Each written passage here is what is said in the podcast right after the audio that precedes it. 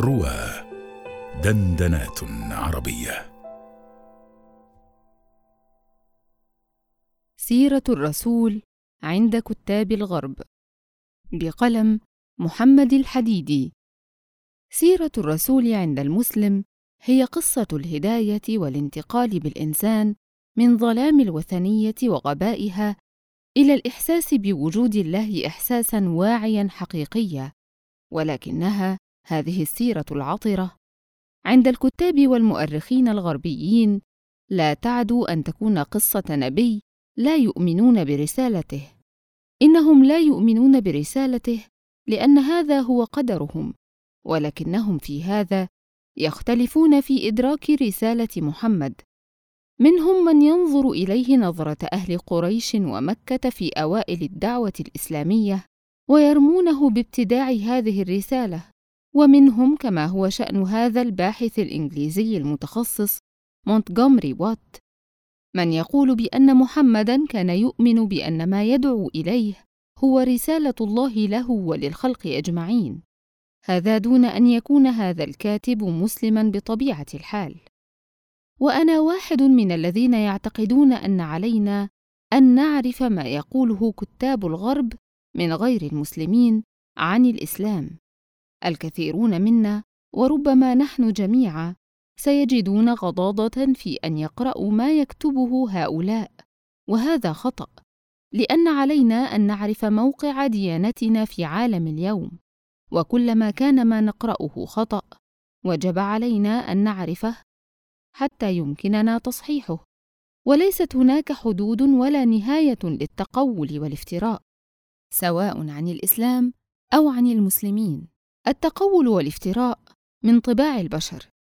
وعلينا أن نعتاد ألا يكون إيماننا سبيلا إلى إغلاق عقولنا دون ما يقول به أي فرد أو إيه جماعة لأن الإيمان لا يتفق مع التزمت والتشنج. إنه نعمة يهبها الله لمن يشاء ويحرمها من يشاء ومن الناس من وهبها ومنهم من لم يوهبها. وقد كتب مونتغومري وات كتابين مهمين عن تاريخ الدعوة الإسلامية. أحدهما محمد في مكة والثاني محمد في المدينة.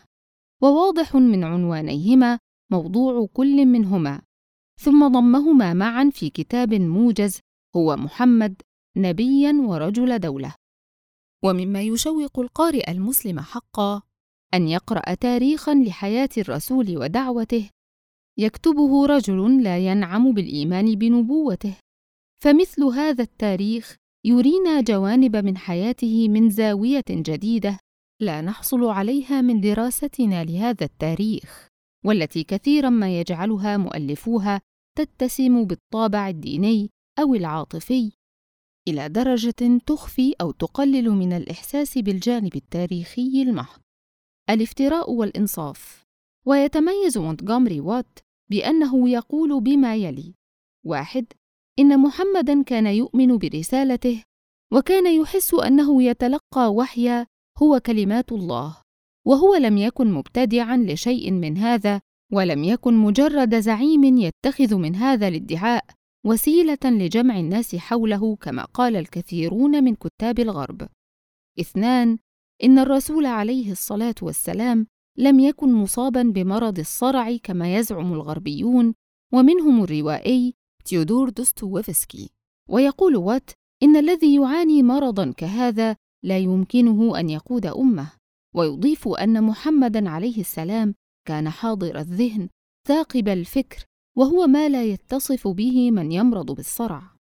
ثلاثة إن زيجات النبي كلها أو أغلبها إلى درجة كبرى سياسية. وهو هنا يدفع عنه كل ما يصفه به زملاؤه الغربيون من الشهوانية ويبين إلى أي مدى هي ظالمة هذه التهمة. وأغلب هؤلاء النسوة كن أرامل شهداء قتلوا في الغزوات أو عجائز لا يغرين أحدا كما أنه كان يقترب من الستين إلى آخر كل هذا مما هو معروف لنا كمسلمين. ولكن الكراهية التي نمت في النفوس من أيام الفتوحات الإسلامية وتقلص إمبراطورية بيزنطة ولنا أن نحاول أن نضع أنفسنا مكان هؤلاء ونتصور إحساسنا لو لم نكن مؤمنين بهذا الدين الجديد. هذه الكراهية هي التي تحفز كل كاتب لأن يلجأ إلى هذه النقطة ويقيس الأمور بمقاييس هذا العصر ويصف الرسول الكريم بما يحلو له. ولكن كل هؤلاء الكتاب برغم دراستهم العربية يخطئون في ترجمة نصوص القرآن الكريم أو ربما في فهم هذه النصوص أصلا والدلائل كثيرة ولكن لنأخذ مثلا واحدا وللآخرة خير لك من الأولى.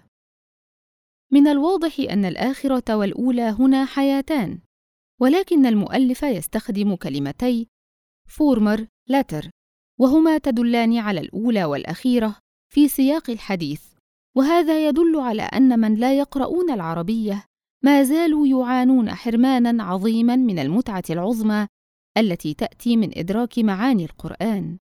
علينا أن نسهل لهم هذه المتعة وإلا نخسر نحن متعة قراءة ما يكتبون. على أن نكون قادرين على إدراك أنها مؤلفات تاريخية محضة.